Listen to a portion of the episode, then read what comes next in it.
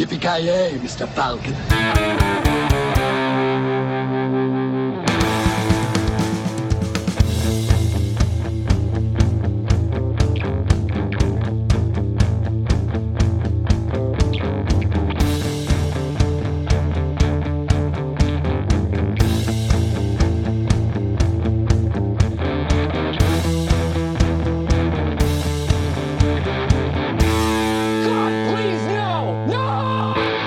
Tjena kära lyssnare! Välkomna till ännu ett avsnitt av Filmsmakarna. Mitt namn är Joakim Granström. I vanlig ordning så har jag med mig Kent. Hur står det till? Det är bra, mycket bra. Härligt att höra. En liten fråga innan vi kör igång alltså. Mhm. Hur mycket pengar vill du ha för att resa utomlands till ett superfan? Jag är ett fan av Filmsmakarpodden. Hur mycket pengar, hur mycket pengar skulle du eh, behöva? Nej, jag skulle betala för att åka dit i sådana fall om någon hittar den. eh, Ett fan av den här podden Jag är jävligt nyfiken på vem det är. Jag vet inte om jag skulle våga träffa den personen. Jag vet inte det, hur mycket pengar Kalles morsa har, men det, Ja, nej men hon är tät så in i helvete har jag hört. hon var väl vår enda lyssnare, eller hur, hur det var. Fast jag har hört att hon håller på att bli ruinerad för all, all hennes lön går åt till toapapper. Just. Ja, just det, han bor ju fortfarande hemma där, ja, så är det ju. Ja, ja, han gör väl det. Han var ju tvungen att flytta hem för att hans pengar räckte inte till. Det gick åt för mycket toapapper helt enkelt. Ja, Det, var- det var inte under pandemin där, det var inte panik för att folk eh, trodde att det skulle ta slut dasspappret. Det var ju bara Kalle som hade en... eh, ja, ja, ja. Han, hade, han hade ju redan, han hade redan köpt, köpt upp allt långt innan pandemin. Ja. Han åt en enchilada och sket i den vecka i sträck. ja, för fan. Ja, stark inledning på den här podden måste jag säga. Definitivt, Oh ja. definitivt. Den andra rösten som ni hörde där, givetvis, Joakim Avoya. Hur mycket pengar tror du att vårt genomsnittliga fan har? Oh, Är de utblottade, de, eller? Jag, jag tror de har minst råd att köpa eh, ja, en, ett Donken-mål i veckan tror jag, minst. Vad kostar ett Kanske Donken-mål? två. Oh, det beror på vilka, vilken mål snackar vi. Är det Big Mac? Snackar vi cheeseburger? Jag vet inte. Alltså vet jag har inte ätit på Donken på typ 15 år så att... eh, Jag käkar ja, fan på Donken typ eh, en gång i veckan nästan. Jag älskar Donken. det, det är the shit alltså. Ja, det är fan nice alltså. Det, eh, men du får räkna minst eh, 70 spänn kanske. Fy fan. För ett mål. Fy fan. Ja, livet är hårt när man är en hamburgarfantast uppenbarligen. Oh, oh ja. Nåväl, vi är här för att snacka om the one, the only, Nicolas Cage. Vi har pratat om eh, den här filmen ganska många gånger i podden och det tog ett, eh, det tog ett bra tag innan vi fick tummen ur och faktiskt fick möjligheten att se på filmen. Men nu, efter många om och men och väntande månader så har vi ju givetvis äntligen sett The Unbearable Weight of Massive Talent. What's the worry here, Nick? You've lost some of your talent as an actor? No. What did he say? He says he loves you, but he went in a different direction. I'm done. I'm quitting acting. We got another offer. It's a million bucks. It's to attend a wealthy gentleman's birthday party. I would never do that. It's the easiest gig ever. You play yourself. What do we know about this guy anyway? God, this place is stunning. What is your favorite movie? That's one of those questions that's impossible to answer. You can't just limit it to one. Imagine me and you. I do. Is it too much? Is this supposed to be me? It's grotesque. I'll give you 20,000 for it. I'm in position. I think that's the actor Nick Cage. Nick Cage, I love you. What do you guys want? We're with Central Intelligence. Do you know who you're spending time with? One of the most ruthless men on the face of this planet. I need you to help the U.S. government. Let's kill this love. Find a way into that room, Nick. See myself doing more of this stuff. I think I might have a real gift for it. Good, because we got another mission for you. No, no, no, no, no, no. Vi kastar oss in i den här filmen alltså. Som sagt, vi har pratat om den en miljard gånger känns det som. Vi har ju sett fram emot den sedan den utannonserades mer eller mindre. Så bara själva projektet, för de som inte känner till det så är det här en action, jag ska kalla det en actionkomedi i stort sett, där Nicolas Cage spelar en fiktionell version av sig själv, Eh, kan man säga. Och eh, det känns ju som att Nick Cage är väl den skådisen, med tanke på hans eh, stil av skådespeleri, som verkligen kan göra narr av sig själv om man säger så och ändå få det att fungera på ett riktigt bra sätt. För alltså, den här filmen för mig påminner ju ganska mycket om JCVD, alltså filmen där Van Damme spelar en annan version av sig själv. Men skillnaden här är ju att Van Damme, även om den filmen är fantastisk, men Van Damme vill ju ta sig själv på mycket mer allvar än kanske resten av världen gör. Vilket gör att den filmen är ju mycket allvarligare och försöker, att vara, försöker vara mycket djupare. Den här filmen känns ju som att Nick Cage är en fantastisk skådis, men han fattar också att världen kanske tycker att han är mer rolig än vad han egentligen tycker om sig själv. Men här fattar han det, så han spelar upp den aspekten. Alltså det är svårt att säga att Nicolas Cage spelar sig själv, men jag vet inte ens vem Nick Cage är, så det är svårt att säga, för han, han, har ju, han är ju mannen med tusen ansikten skulle jag säga. Ja, men det jag skulle säga att han, han spelar bilden som folk utifrån har av honom och driver med honom. Eh, istället för sig själv. Ja. Fattar vad jag menar. Ja, ja men precis. Det, det, kan jag, det kan jag definitivt köpa. Alltså hans... Jag, tv- jag tvivlar på att, att det här är liksom hans... Eh, det är ju inte biopic. Nej, om, man- om man säger på det sättet. definitivt inte. Eller vem vet? Det, det här är Ja, kanske är biopicen som... baserat på, baserat på en verklig händelse, stod det väl innan filmen startade, har jag för mig. Eller? Det, det, det var baserat på en verklig händelse som Nick Cage, som utspelar sig i Nick Cages huvud, så att säga. Typ så. Ja, men för att eh, köra en, göra en lång historia kort, jag kan ju dra eh, handlingen lite grann innan vi går in på skådespelarna. Eh, som sagt, Nick Cage spelar sig själv, han är något av en föredetting i Hollywood, han var en stor stjärna. Men nu har karriären dalat rejält och han har hamnat i lite pengatrubbel, kort sett.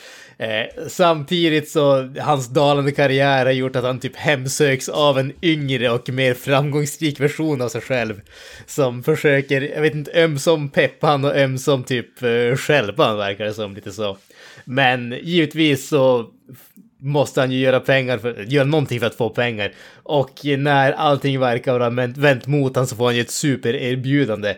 Han har ett superfan, spanjoren Javi, spelad av eh, Pedro Pascal, som han skulle kunna ge typ vad som helst, eller rättare sagt en miljon dollar, för att eh, Nick Cage ska dyka upp på hans eh, födelsedagskalas eh, helt enkelt. Så han ska få spendera lite pengar med den här snubben som är typ en gud för han i stort sett.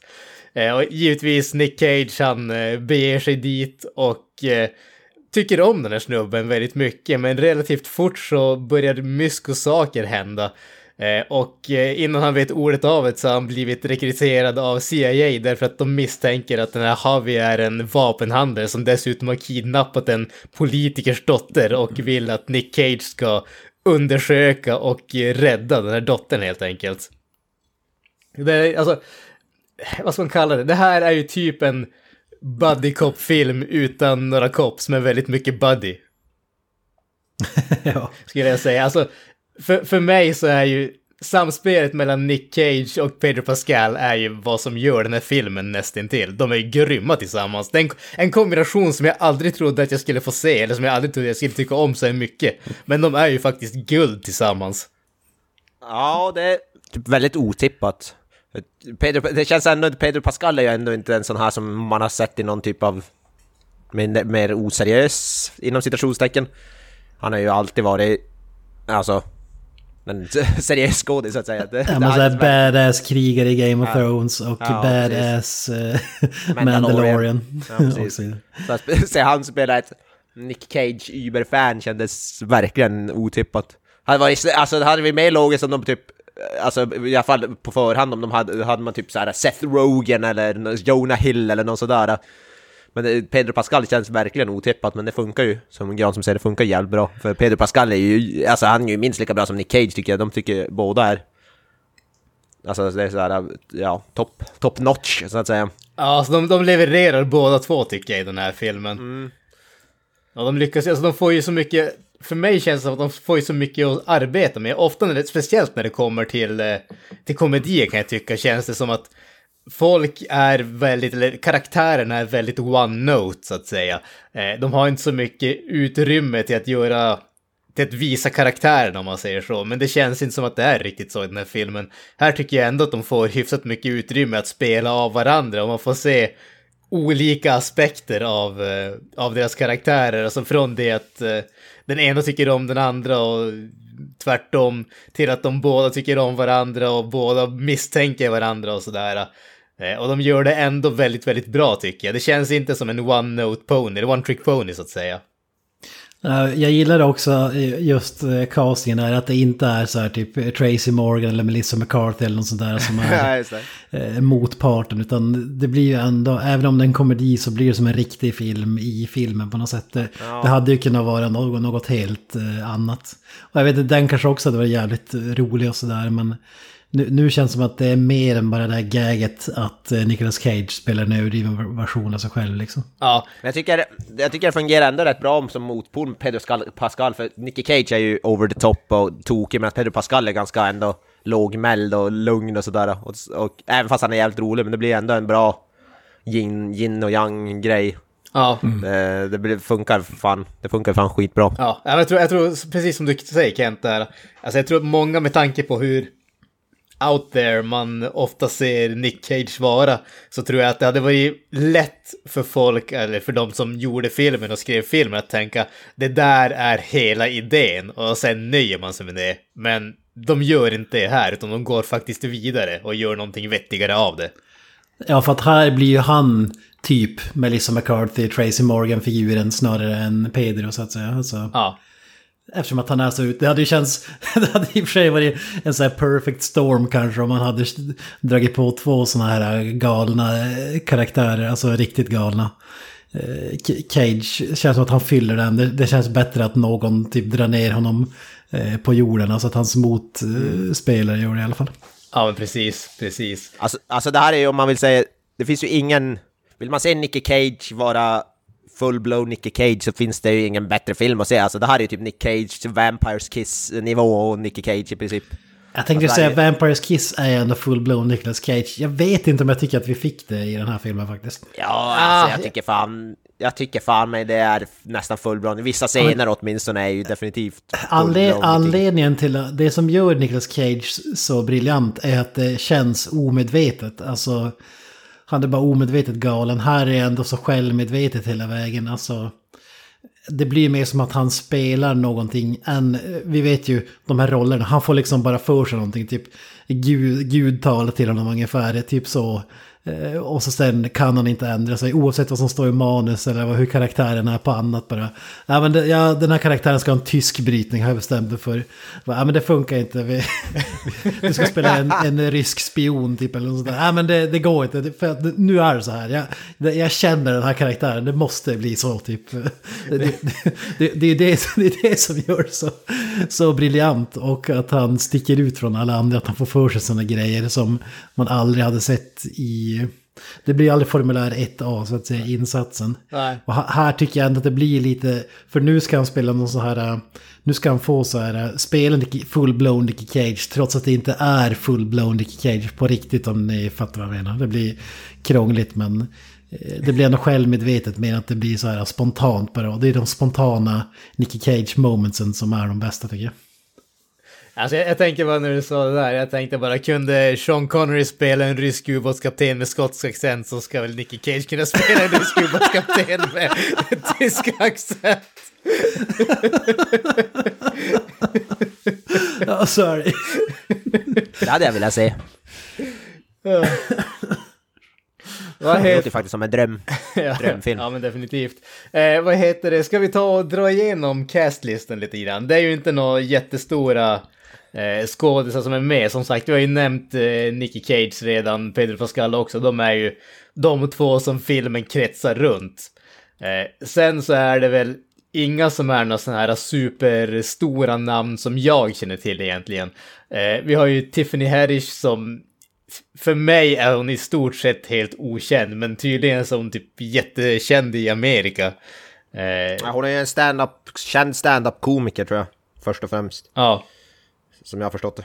Men jag, jag känner igen namnet, men jag har inget koll på henne utöver det i princip. Men alltså Neil Patrick Harris får man ändå säga är känd nu vid det här laget ändå. Alltså How I Met Your Mother, så mycket som jag hatar den serien så är den ändå jävligt stor. Och, men framförallt så är han ju Starship Troopers där, Carl Jenkins-karaktären. Precis, precis. Alltså Gone Girl, alltså han har ändå varit med i stora produktioner och sådär. Eh, Han måste jag säga var o... Jag brukar inte gilla honom, men eh, här tyckte jag fan att han var eh, rolig alltså. Alltså jag måste säga att Ja, det är typ det enda som jag har sett honom i det är ju Starship Troopers. Jag har väl sett, sett honom i någonting annat någon gång här och där, men han är, på det stora hela måste jag säga att han har gått, gått med ganska mycket förbi. Men jag tyckte om honom i den här filmen. Han är ju inte med så mycket, han är ju med i typ två, tre scener ungefär där han spelar Nick Cages assistent. Men jag, ty- jag tyckte... Ja. Han är väl hans manager. Han Ja, var- kanske han var manager, men same shit, different name. Eh, men jag, ty jag tyckte han var kul. jag tyckte han var Du, kul du, filmen. du är hans karaktär i den här filmen på riktigt alltså. Vad kan man säga om regissören? Det är typ ingenting, för han, har typ, han är väl nästan en helt ny. Så han har gjort en film tidigare, så kan jag säga. Han är ju, precis, han är ju en snubbe som verkar inte ha gjort speciellt mycket. Han har gjort en film som heter That Awkward Moment eh, All the way back på 2014 och den verkar väl ha fått sådär halvt eh, OK-kritik eh, och sådär. Det som jag kan tyckte var, tyckte var mest intressant med den filmen eh, i och med att det var hans debutfilm är att han hade både Zac Efron, Michael B Jordan och Miles Teller med i den, vilket var smått imponerande med tanke på att han inte hade regisserat någonting tidigare. Men bortsett från det så jag kan inte säga att jag har någon koll på honom. Och han verkar inte ha gjort speciellt mycket heller. Han har skapat någon tv-serie som hette Ghosted. Eh, ingen aning om eh, vad det är eller någonting åt det hållet. Så att, ja, jag vet inte. Men, men förhoppningsvis så lyckas han göra någon sorts vettig karriär. För den här filmen var då riktigt, riktigt bra tyckte jag. Så att eh, förhoppningsvis kan han spinna vidare på det här. Ja, Alltså den har ju blivit, alltså inte bara att vi säger att den är bra, utan den har ju blivit rätt kritiskt hyllad eh, överhuvudtaget. Så den verkar ju ha blivit gott sur. Jag vet inte hur bra rent box Ja, office-mässigt ty den var. tyvärr så vart den ju en flopp. Eh, Den drog... Ja, det blev det. Den hade en budget på 30 miljoner och eh, drog in ungefär 29 miljoner. Så att... Jaha, ja. Eh, inte alls någon bra. Nej, tyvärr. Men, men man måste ju säga att den fick ju bra kritiskt mottagande. Och eh, förhoppningsvis så betyder det någonting på det stora hela. Men det känns som en sån här film som kommer, typ när den släpps på DVD, Blu-ray och sådär, som kommer kunna bli, gå bra där. Att Det känns som en sån film som kommer ändå ha ganska lång, vad heter det, hang time eller vad man ska kalla det. Det, det känns som en film som har eh, all, the, all, the, vad heter det? all the measures of a cult classic så att säga.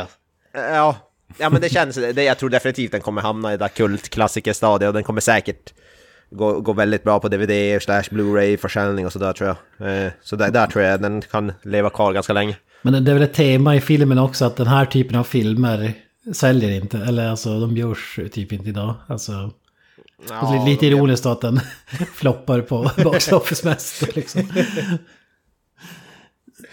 Ja, men Det ska, definitivt. det ska vara superhjältar eller eh, män som har 48 växlar i sin bil och har muskler. Ann- Annars är det ingen som går och säger dem. Ja, Ja, de, precis. ja, precis. De, de gör ju narr av det där att folk vill inte längre se seriösa typ draman med riktiga karaktärer utan det ska vara bara stora gröna jävlar som står och står på varandra. In, in, Intressant nog med tanke på att eh, Cage var ju castad som eh, Superman i Superman Lives där ett tag.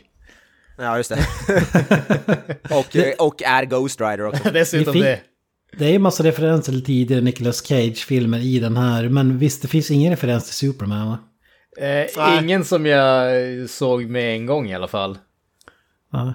Alltså den är ju fullknökad det är först och främst Face-Off. Jag vet inte hur många Face-Off-referenser var i den här filmen. Det var väl typ det mest Face-Off. Där Han Pedro Pascal, vad sa han? Att det var den bästa, hans favoritfilm genom tiderna tror jag. Face-Off. Men det, det måste ändå betyda någonting. Alltså är, är det den filmen som... Alltså typ som Van Damme, det är typ sudden death som så här mainstream-publiken känner igen honom från. Är det Face-Off med Nicolas Cage? Alltså han har ändå vunnit Oscars och grejer. Alltså, Jag skulle säga mest kommersiellt så är det väl ändå Face-Off som är en av hans, ja, de och typ National Treasure. Jag, jag, jag tänker ju The Rock där ja. Ja, The Rock också. Ja, Men det är väl kanske. alltså det är väl National Treasure, The Rock, Face-Off. Det är väl typ... ja, det är väl när Jerry Bruckheimer-svängen förmodligen. Ja. Con Air möjligtvis lite halv, halvt. Frågan är, alltså, jag, jag vet inte hur mycket folk idag tänker på de där filmerna. Det känns ju inte som att... man pratar inte så jävla mycket om gamla filmer ändå på det stora hela. Frågan är hur mycket dagens publik, om man säger så, alltså de som de som går bananas för Marvel-filmerna och sånt där, bryr de sig om The Rock eller någonting åt det hållet, trots att det är en mycket bättre film och en mycket bättre actionfilm dessutom. De har väl antagligen inte sett någonting annat för det, det går ju knappt något annat på bio. Alltså. Nej. Nej, det är ju. Ja. Nej, jag kan inte säga på så, men alltså, man kan ju hoppas i alla fall för det, det är ju kvalitet i film. The Rock och eh, Face-Off är ju några av världens bästa actionfilmer, skulle jag väl ändå säga. Ja. Så. Jag vet inte, jag måste bara nämna när vi snackar, när jag är fortfarande inne på casting och Cage och så, roller och sådär. Jag vet inte om vi hade upp det i ett inaktuellt, men när den här filmen släpptes så gjorde han ju en intervju då. Eh, och då berättade han ju att, Eh, för att eh, den här filmen ska ju porträttera honom själv då, och han sa väl att ja, det var väl en uppskruvad version av verkligheten och vi, det mesta är påhittat liksom. Men han ville bara klargöra en sak, att eh, familjen var typ prio ett för honom i verkliga livet. I filmen framstår det som prio sist. Ja. Alltså, Ja, ja. och, och, och som exempel så berättar han att anledningen till att han tackade nej till roller i The Matrix och Lord of the Rings var för att han skulle kunna få umgås med, med sin familj. och, och, jag vet inte fan om vi har pratat om det, eller har vi det? Jag känner inte åt det Alltså, på det rak med hand. det med att han med Matrix känner jag till, det tror jag vi nog har pratat om. Han tackar alltså jag. nej till att spela Aragorn som är en hyfsat stor karaktär i Sagan om ringen. Ja, ja, ja. ja, ja. fan, fan. Det är ju ändå fantastiskt. Ja. Ja, I det här framstår ju han som värsta, i alla fall i början lite såhär douchey som inte, alltså typ inte bryr sig. Jag fokuserar 100% på jobbet. Ja, jo. Försöker bara, typ skiter i allt vad hans dotter säger. Försöker bara skola in henne i filmer så här som han Ja, gillar. ja precis. Cabinet of Dr. Caligari. Ja, exakt. Ja, det, jag tycker det, är- det är bland de bästa stunderna i filmen där, alltså när han, ha, hans åsikter om allting är det enda som betyder någonting. Det är ju det som är det bästa tycker jag. När han sitter, alltså den, den är, jag måste säga att den här filmen öppnar riktigt, riktigt bra. Både med scenen när, hon sitter, när han och hans dotter sitter hos eh, terapeuten eller psykologen eller vad fasken det är. De ska försöka, försöka reda ut hennes, eh, eller deras förhållande om man säger så. Och eh, han berättar om den här filmen och verkar helt enkelt glömt bort att dottern sitter där och när psykologen frågar liksom, ja men tyck, tror du att hon tycker om filmen? Självklart tycker hon om filmen! jag tyckte det var, det, det var, tyckte, Hon var- det var riktigt Hon var, inte av samma, hon var inte av samma åsikt om hennes smak som han var. Nej, definitivt inte. Sen tycker jag också, alltså bara den här, vad man kallar det, middagsscenen som vi har där i början också, när han, eh, vad heter det, när han försöker vinna rollen där och regissören säger du, du behöver inte ens provspela för mig. Självklart behöver jag inte provspela, men jag tänker göra det ändå. Ja, man säger ju bara eh, no, well of course I don't have, and I'm not going to. Det säger han ju, så, men sen fortsätter han att köra en jävla monolog om något pluck, pl, pluckered asshole eller vad fan det är. Ja, jag vet inte fan vad han... Det är skitjävla bra. Vad är det King, King Lear eller vad han ska spela någon kung typ eller vad fan är det? jag, kom- jag kommer inte ihåg vad det var, det var, men det var bara så jävla guld. När han står där och börjar prata om skådespel och folk bara står och kollar på honom som att han är fullkomligt lugnuts. Ja. Men då så kör jag en uppvisning också när han typ spe, u, agerar ut karaktären mitt ute på torget där när de kliver ut från... Ja, det är utanför restaurangen. Ja. ja. ja, men det är, det är de grejerna jag uppskattar med alltså. Ja, definitivt. Nej, men jag tyckte, alltså på det stora hela så måste man säga att den här filmen, även om jag hade, jag hade höga förhoppningar måste jag säga, men eh, den var till och med betydligt bättre än vad jag trodde att den skulle vara. Eh, för eh, alltså det, det fanns definitivt en känsla av, kommer de att våga göra någonting som är vettigt med det här? Alltså det, det som jag kan det som är risken när man gör en sån här grej när folk ska spela sig själva om man säger så, eller ska spela någonting som är en karikatyr av sig själv, är ju att de tar sig själv på så pass mycket allvar att de, de vågar inte släppa lös om man säger så.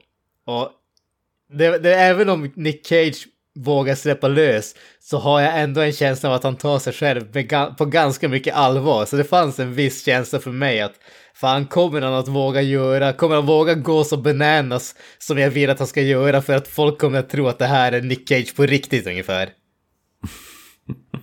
Tycker att han gjorde det? Alltså jag tycker det, även om han inte gick eh, full on Nick Cage som, det var ju inte som sagt Vampires Kiss riktigt på den nivån tycker jag.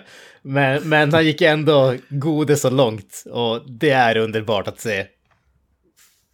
Ja, det, det kändes inte som att han försökte så här polera till bilden av sig själv direkt. Nej, exakt. Tvärtom. E- exakt, det, det är det som, alltså det, det känns ju som att vissa skulle aldrig göra hela den här grejen att fan familjen kommer sist, det är karriären som räknas, det är typ, B bara en sån sak känns det som att eh, folk skulle inte, skulle inte acceptera det. Jag har svårt att tänka mig någon sån här eh, riktigt eh, seriös skådis göra en sån grej. Riktigt seriös säger jag som att eh, Nick Cage inte är en seriös skådis, men du fattar Ja, vad men jag det, det menar. är typ som om, någon hade gjort den här filmen och låtsas vara Michael Douglas istället för Nicolas Cage och haft samma karaktärsdrag så där, då hade han stämt dem typ för förtal ungefär. Eller ja, ja men typ. Det, det är inte direkt så att jag ser Charlton Heston i den här rollen ungefär.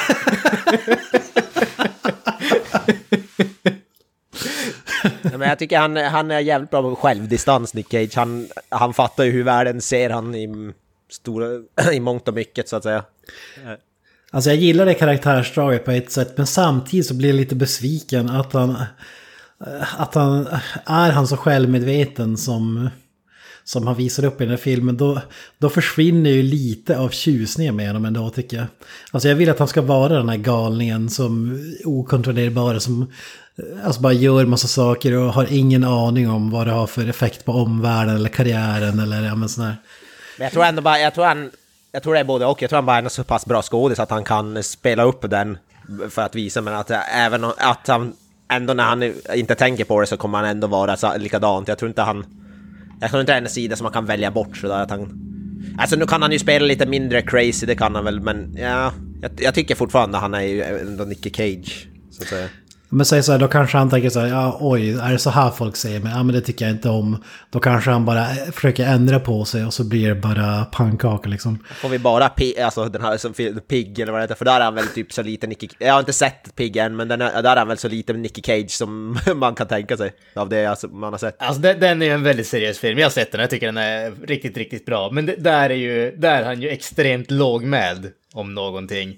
Det är det Men som jag, är jag, tycker inte att man kan säga så om Nicky Cage. Jag, jag tycker att man kan säga så om alla skådespelare i hela världen utom Nicolas Cage. För att han, han har så många sidor att det går som inte... Alltså typ, Nicolas Cage är ju inte not the beast och han är ju heller inte pigg. Alltså han är ju allt. Det, det är det som gör honom så jävla unik tycker jag. Alltså, Ja, han alltså, gör alla, alla möjliga filmer och projekt. Tar sig in alla jävla möjliga roller och kan alltså ändå eh, passa in på något sätt. Eller alltså... Ja, nej, men jag, jag, jag håller med. Han har ju en grym range. Och det är alltså, är det någon skådis som man aldrig kan typecasta så känns det ju som att det är Nick Cage. Exakt. Ja, han är ju anti-typecast. Det, det är det jag var inne på tidigare. Alltså, du skulle aldrig kunna casta honom och typ säga ja men kör som, spela som du gjorde i Vampires Kiss. För då skulle han säga bara, äh, men jag, eh, jag känner inte att det är rätt för karaktären. Det, det blir så här och så här istället. Alltså, Ja. och han skiter i allt. Annat är det som gör honom så jävla underbar.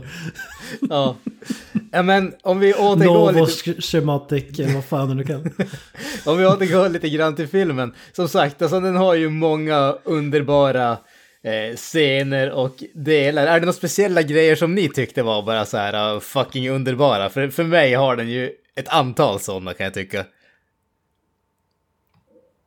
Alltså jag tyckte det var förvånansvärt bra som typ actionfilm och sådär utöver att eh, Cage är underbar. Men den var ju, hade ändå rätt coola så actionscener och jävligt roliga. När, när, Ca- när Cage typ tar sina pistoler från Face-Off till exempel, de har en shootout där mot slutet. Och, Ja. ja, det var mäktigt när han tog fram guldpistolen alltså. ja. Det var grymt. Jag älskar också när han... Eh, fan, det känns... Alltså det, det här är ju en sån där film, jag vill inte spoila den för jag vill uppmana folk att se den. Men eh, det här är ju en del som är med i, vad heter det, i trailern, så jag, jag, jag säger det på grund av det. Och det är ju när han ser statyn av sig själv. Bara, Is that supposed to be me? It's, it's a grotesque. I'll give you 20 grand for it. Ja, det är bra så typ när han, vad heter det, går i, när de hittar hans sam, vad heter det, Pedro Pascals alta, eller som Man Cave, Ja, som är dedi dedikerad bara till Nicky Cage-filmer och ja, det är ju magiskt. Ett sånt rum som alla, jag tror alla drömmer om att, att ha faktiskt. Ja, den, den, andra grejen som jag också tyckte var helt fantastisk, det är ju när de blir höga på LSD och tror att de är förföljda. Ja just det, så ser de ett gammalt par typ som sitter på en parkbänk och äter. Ja precis, de ser, ser två gamla gubbar som st- står där och håller på. Och sen springer de iväg och ska kolla om de är förföljda. Och ser de två helt andra gubbar och tror att det är samma personer. Och blir typ helt galna och ska fly från dem. Och så sen de eh, ska klättra över någon jävla eh, vägg eller mur typ som är typ två meter hög i princip. Eh, den scenen var ju briljant. Ja, alltså fy fan. Det, det, det var fan guld alltså. Det, men alltså det känns som att det finns så många sådana där små grejer, små delar och små detaljer i den där filmen som bara gör helheten så mycket bättre. Jag älskar också den här alltså, kung fu-hälsningen, om ska kalla det, som man gör. Det, är också, och det, det är en sån där grej som, det, det finns ingen anledning till att det egentligen ska vara kul. Men av någon anledning när Nick Cage gör det i den här filmen så är det typ gapskrattsnivå. Av någon anledning. Det är för att det känns ju som att han förmodligen hälsar sådär. Alltså man får ju den känslan. Ja, det skulle jag ju inte förvåna mig om han gjorde så. Nej, alltså det är så guld. Men det där när han heter det, blir inbjuden och så, så, säger där vad, I'm not, där bara pratar om I'm not gonna suck your dick and I'm, uh, and I'm not gonna fuck your wife while you watch. Oh, fan, hans morsa. And, and I'm not, exakt, and I'm not, and you're not gonna watch you fuck your wife eller något där också. ja, precis. Det är ju det först hans manager säger såhär, nej men du kommer ju inte behöva, vad heter det, eh, ha sex med hans fru eller suga av honom. Och sen upprepar han det till Pascal, I'm not gonna, I'm not gonna suck your dick and I'm not gonna watch you fuck your wife and I'm not gonna fuck your wife while you, watch. Ja, det är sjukt bra. Ja, jag, jag gillar ju också de här äh, mer äh, subtila skämten när, när Neil Patrick Harris är med. Alltså, I början av filmen Nicolas Cage har någon så här... äh, han typ gråter ut och... Alltså det är en jävligt fin scen så här när han kommer fram till att han ska sluta med skådespeleri och sådär. Så håll, ringer han upp honom, håller det här talet och typ grinar samtidigt. Och, och så säger han bara i slutet och säger bara... Ah, ledsen, jag körde med en genom en tunnel, dålig mottagning. Vad, vad sa du för någonting? Han går igenom hela sin karriär typ, eller börjar prata om mycket han har lärt sig och bla bla bla. Ja, alltså det är, så, det är enkelt skämt och man har ju hört det förr, men det var briljant i just det ögonblicket tycker jag. Ja. ja, det var fan kul. Han, och, eh, vad heter det, wearing his heart on his sleeve. Men han, det där, inget av det hörs. Nej, alltså det, det, som sagt, alltså den här filmen har definitivt min, eh, min starkaste rekommendation. Den är underbar. Så, När, vi någon ba bastuscen när de blir piskade av björkris eller vad fan det är. ja. Ja. Alltså, som sagt, jag, vill- jag, vill spoil, jag vill inte spoila filmen för jag vill att folk ska se den. Jag vill bara att folk ska veta att den är så jävla sevärd så det finns inte. Men den fun- ja, som sagt, jag tycker den funkar både som komedi men även som actionfilm tycker jag. Den var ju påkostad actionscener och sådär tycker jag. Det var ju absolut ingen som kände som, att det kändes som någon sån här låg budget. Alltså, jag tycker det kändes jävligt påkostad. Och eh, ja, allt välspelat, coola actionscener och så vidare. Ja, alltså, Allting kändes, allting kändes det- top notch. Till och med den här äh, plotten som hade varit tråkig i en vanlig film, att han ska jobba åt, äh, vad är det, CIA eller FBI eller vad fan Ja. det är. Alltså, Det, det till och med samma- den det är delen samma- tycker jag det tillför någonting. För det känns som en, i en vanlig så här kom- actionkomedi, då hade ju det varit en så seriös handling som bara hade varit tråkig för att de måste ha någon slags Den har handling. ju i princip samma vad heter det, handling som en viss filmens svar på cancer fast den här gör det bra. Exakt, det är så här det borde ha gjort. Ja, alltså. precis. Man gillar det där också acting. Det är samma som en hemlig agent eller spioneri eller typ så här. Ja, han, sä- han säger ju det att vara spion och skådespelare är exakt samma sak. Ja. Och det har ni ju poäng i. vad den säger, my thespian instincts eller vad han säger. Ja, ja, just det. Han är ju en thespian.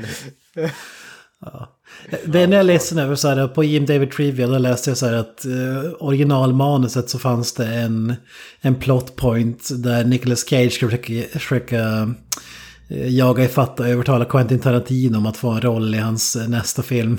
Ja, fy fan. Med att det blev utbytt till en cameo med eh, David Gordon Green. Ja, precis. Ja, nej, men det var ju... Ty tydligen så hade de väl ett antal, vad heter det, cameos inskrivna i originalmanuset, men eh, det drabb- den här filmen, liksom så mycket annat, drabbades ju av eh, covid-uppehåll etc. etc. Så det var ju mycket där som de, de grejerna föll helt enkelt. Men jag tycker fan att Nicolas Cage ska övertala Quentin Tarantino känns som en uppföljare till den här filmen. Fan som hade varit rolig att se. Alltså. Alltså se Quentin Tarantino göra en film med Nicky Cage hade det faktiskt varit dröm. Ja, ja för För fan. jag vet, Quentin Tarantino om någon kan ju skriva manus, alltså bra dialog. Och så han fått skriva åt, vad heter det? Nicky Cage hade ju varit en dröm. Ja. Ja, har, har alltså- inte eh, Quentin bara en film kvar i sin regissörskarriär? Ja, han, på, han påstår ju det. Ja. Ja, det kanske blir en Nicky Cage. Film. Det skulle, det skulle vara härligt om man, eh, upp, om man avslutade karriären med en uppföljare till den här filmen. Tarantinos sista film blev en uppföljare till Unbearable Weight. Det hade ju varit någonting alltså. Vad fan skulle den heta?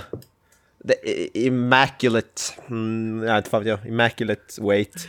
Ja, men han har gjort mycket så här reviva karriären för typ så här Don Johnson och sådär. Sätta dem i coola roller. Alltså, nu är ju skillnaden är ju att Nicolas Cage är fortfarande jävligt aktuell. Alltså han är ju inte så här äh, bortglömd skådis som behöver en revival. Men Jag skulle väl säga att han nu, han, han har ju väl nästan fått en revival de senaste åren eh, med Pig och allt vad det heter. Liksom, han har ju gått svinbra för han nu på senaste tiden. men jag säger, som, jag säger han, som han säger själv i den här filmen. Not that I was ever gone. Ja, precis. Exakt. ja, det är ju återkommande mellan han och hans manager hela tiden. Not that I was ever gone, no. But, you know, still. Ja. Nej, men det, det är typ som vi säger, inte för att Nicky Cage någonsin försvann. Nej, exakt. exakt. Det är bara att han, eh, han är så jävla underground och seriös att man, han är inte med i de här stora... Men en, en heter det, återkommande grej är att han och Pedro Pascal ska göra en film ihop också. Och, och det var hela tiden bara, it has to be character driven. Eh, It has to be just all about character. Sen blir det tyst och bara, so what's the film about? Sen blir det mycket helt tyst. Det- Ja. Ja. Jag hade velat se den filmen som de pratar om att göra i filmen. Den hade jag velat se. ja, det fick vi ju säga i princip.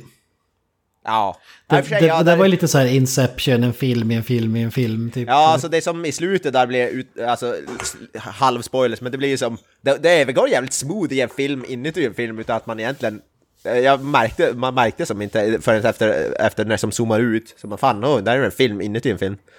Det var ändå rätt coolt. Ja, för det är så här, vart börjar och slutar allt? Det som... Mm, det var jävligt snyggt gjort faktiskt. Eh, slutet, slutet var väldigt, eh, väldigt bra faktiskt också. Ja, Alltså, som du säger, jag vill, jag vill inte heller spoila sönder film. Jag tycker att folk ska se den om man inte har gjort det. Och som du sa Gran, som hade skyhöga förväntningar. Och även om den hade kunnat vara bättre så tycker jag ändå att den var jävligt bra och levde upp eh, till dem ändå. Ja, ja. definitivt. Vad heter det? Har ni För, för det här känns ju, det här känns ju, jag ska bara en avslutande grej. Det här känns ju som en film som på pappret hade, alltså när vi läste upp bara titeln. Alltså den, då tänker vi så här, okej, titeln och premissen kommer vara mycket bättre än filmen i sig. Ja. Eh, Men, men jag skulle ändå inte säga att det var så i det här fallet. Nej, alltså där, där håller jag med. Det, det känns som att, eh, som sagt, alltså det känns som att eh, hade det varit en mindre talangfull eh, skapare bakom det här så hade de mycket lätt kunnat säga att eh, fan, Nick Cage spelar sig själv, där har vi hela filmen. Ja, exakt. Och så hade vi haft, eh, ja, vad fan heter han, din favorit, eh, vad var jag?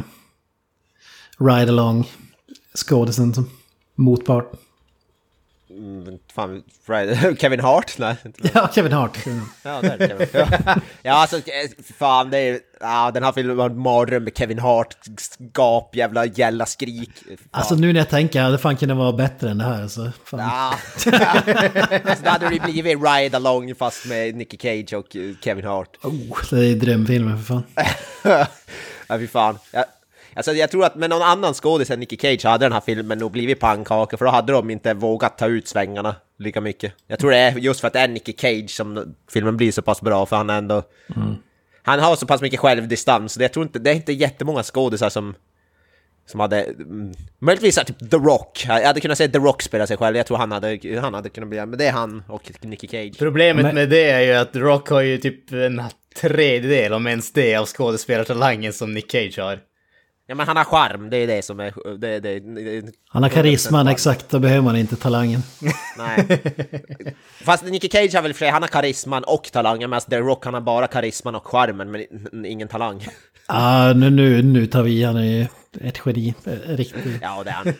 Men jag tror att eh, han hade... Men han, han, man kan säga så här, han har inte nått sin peak. Eh, Nicolas Cage har ju nått toppen och fortsätter surfa på den eh, under längre tid så att säga. Ja, Nicky Cage nå- nådde sin peak med sin första film och sen han bara... Sen, ja, sen han Stegrat platå- dess, ja. Jo. Ja, han har sen platåat ut men alltså han behöver inte för han kan ju inte nå högre. Utan han fortsätter bara på 100 procent. Ja, men jag tror seriöst att han känner lite så. Typ jag har vunnit Oscars och jag tjänar massa pengar och grejer. Alltså, nu gör jag bara vad fan jag vill. Alltså, inga sådana beslut som för att karriären ska gå åt ett visst håll eller sådär. Förutom när han måste betala av sitt slott, då måste han ta på sig fan allt för att... för- När han Ett köper slott, fan det är väl var tre. dinosaurie i huvudet för typ 25 miljoner dollar eller fan det. Ja, Men visst var det tre slott han hade? Det var väl inte bara ett? eh, Också. ja säkert. Eh, Men Underbart. nu jävlar, eh, undrar... undrar skulle se hur vet du, han, lönen såg ut för den här filmen. Hans lön. Jag hör, var det inte någon grej att han först inte ville vara med i den här filmen? För jag läste något sådär att eh, han var först väldigt så Han var lite sådär o, o, osäker på om han skulle vara med. Han tyckte väl inte att eh, just den där spela sig själv-biten var speciellt intressant, så han sa väl Nej. nej ett antal gånger, enligt, enligt IMDB i alla fall. Och dessutom tyckte han ju tydligen att eh, Pedro Pascals eh, rollfigur var den mest, eh, vad heter det, den mest intressanta, så han försökte ju, försökte tydligen få den rollen sen och ville att någon annan skulle spela han tydligen, vilket hade varit jävligt intressant. Det, det kändes ju andra sidan som en jävligt Nick Cage-grej alltså. Alltså, det hade, ju, det hade jag fan ändå velat se, det, se någon annan försöka spela Nicky Cage mot Nicky Cage i en annan roll. Ja, fan. ja men det Men fick vi. Det, han, det behövs Vem inte för han kunnat- spelar ju sig själv mot sig själv i massor av filmer. Så det, Ja. Ja, han spelar han ju mot sig själv också i flera scener. ja. Det är ju fan briljant. Men vem hade man velat se spela Nicky Cage i en Nicky Cage-film om inte Nicky Cage? Om det inte ska vara Nicky Cage. Alltså, fan det- vem som hade kunnat göra det. det finns väl ingen egentligen. Gör det? The Rock. Ah. The Rock. The Rock. The Rock igen. Det? Ja men ändå Arnold Schwarzenegger skulle jag säga. Ja. Tänker vem fan är det någon som är lika galen som Nicky Cage? Vem- Å, å andra då? sidan, inte för att, alltså på tal om do- den typen av skådisar, men en som jag faktiskt tror skulle kunna vara oväntat bra på en sån grej, John Cena. Nej. Ja, Nej. ja, ja, men det- Däremot det är någonting om, om han hade levt, nu nämner jag honom för andra gången på kort tid här, men Klaus Kinski hade ju... där. Vi ska- Han, han känns ju som en, eh, en Nicky Cage-figur i Med grov galenskap. tysk brytning. Det- Om inget annat så hade du fått någon som var garanterat galen. Ja men jag Ja, menar det. Bokstavligt talat, alltså. Jag tänker, jag tänker mig typ såhär Shia LaBeouf, är han inte han smått jävla insane? Och älskar sig själv typ. Ja, nej, jag tror att han vill vara sån men han misslyckas med till och med Han är. Nicky Cage light i princip. Wannabe kan man säga. Wannabe Nicky Cage är han. Sista jag vill säga om den här filmen det är ju typ att jag tycker det var en bra blandning av komedi, riktig film, lite action och eh, referenser till Nicolas Cage-filmer. Alltså, det var ju så här, eh, det var ju några ögonblick där som jag nämnt tidigare där man bara... eh, Det var nästan rysningar på Easter eggsen och referenserna. Eh, Så det uppskattar mig. Yes. Några avslutande ord eller av, avslutande tankar som du har, Avoya? Uh, nej, men jag ser samma sak. Det är bra komedi, funkar även som eh, actionfilm. Ändå är det så här, alltså handlingen är ändå förvånansvärt bra. Det här med att han ska vara spion och så här. Så jag tycker det funkar ändå på alla plan och... Eh, nej, men jag tycker det, det, är en, det är en bra, jävligt bra film helt enkelt. Det är ett, jag tänkte säga solitt hantverk, men det är fan bättre än solitt hantverk. Det är ett eh, genuint bra hantverk. Definitivt. Så eh, två stora tummen upp skulle jag vilja säga. Eh, älskar man Nicolas Cage så går det, finns det nog inte mycket bättre än den här filmen liksom. Just nu i alla fall om man talar om moderna filmer. Så är det det här, det är det här man ska se om man vill ha Nicky Cage så att säga. Så eh, se, se om man inte har sett. jag. Ja, jag kan ju bara skriva under på det som ni har sagt. Eh, jag tror jag skulle gå så långt som att säga, eller så långt, är inte så extremt långt, men även om man inte tycker om eh, Nicky Cage som så, så tror jag att man kan ut jävligt mycket av den här filmen, bara för att den, den funkar som sagt så jäkla bra, både som komedi och som eh, lite mer seriös film, och som en actionfilm. Och sen så, alltså det, det är bara, det, det är hundra minuter av bra film helt enkelt. Det, det, behöver inte alltid vara någonting som är extremt bombastiskt eller någonting åt det hållet, utan det räcker ibland med att det är jävligt kul och jävligt välgjort och det är den här filmen definitivt. Ja, för det här är inte bara Not the Bees i 90 minuter, utan det är någonting annat. Fa, fa, ja, fast det kan man ju säga, det är ju lite, man hade ju velat se Not the Bees i 90 minuter också. ja. Uppföljaren kanske blir det. Yes. Men visst var det så att Not the Bees var en bortklippt scen egentligen?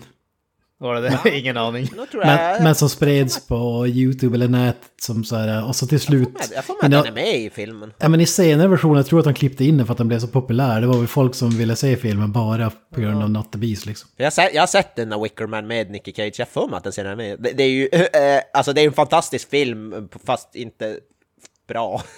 det, är en, det är en fantastisk film fast som inte är speciellt bra.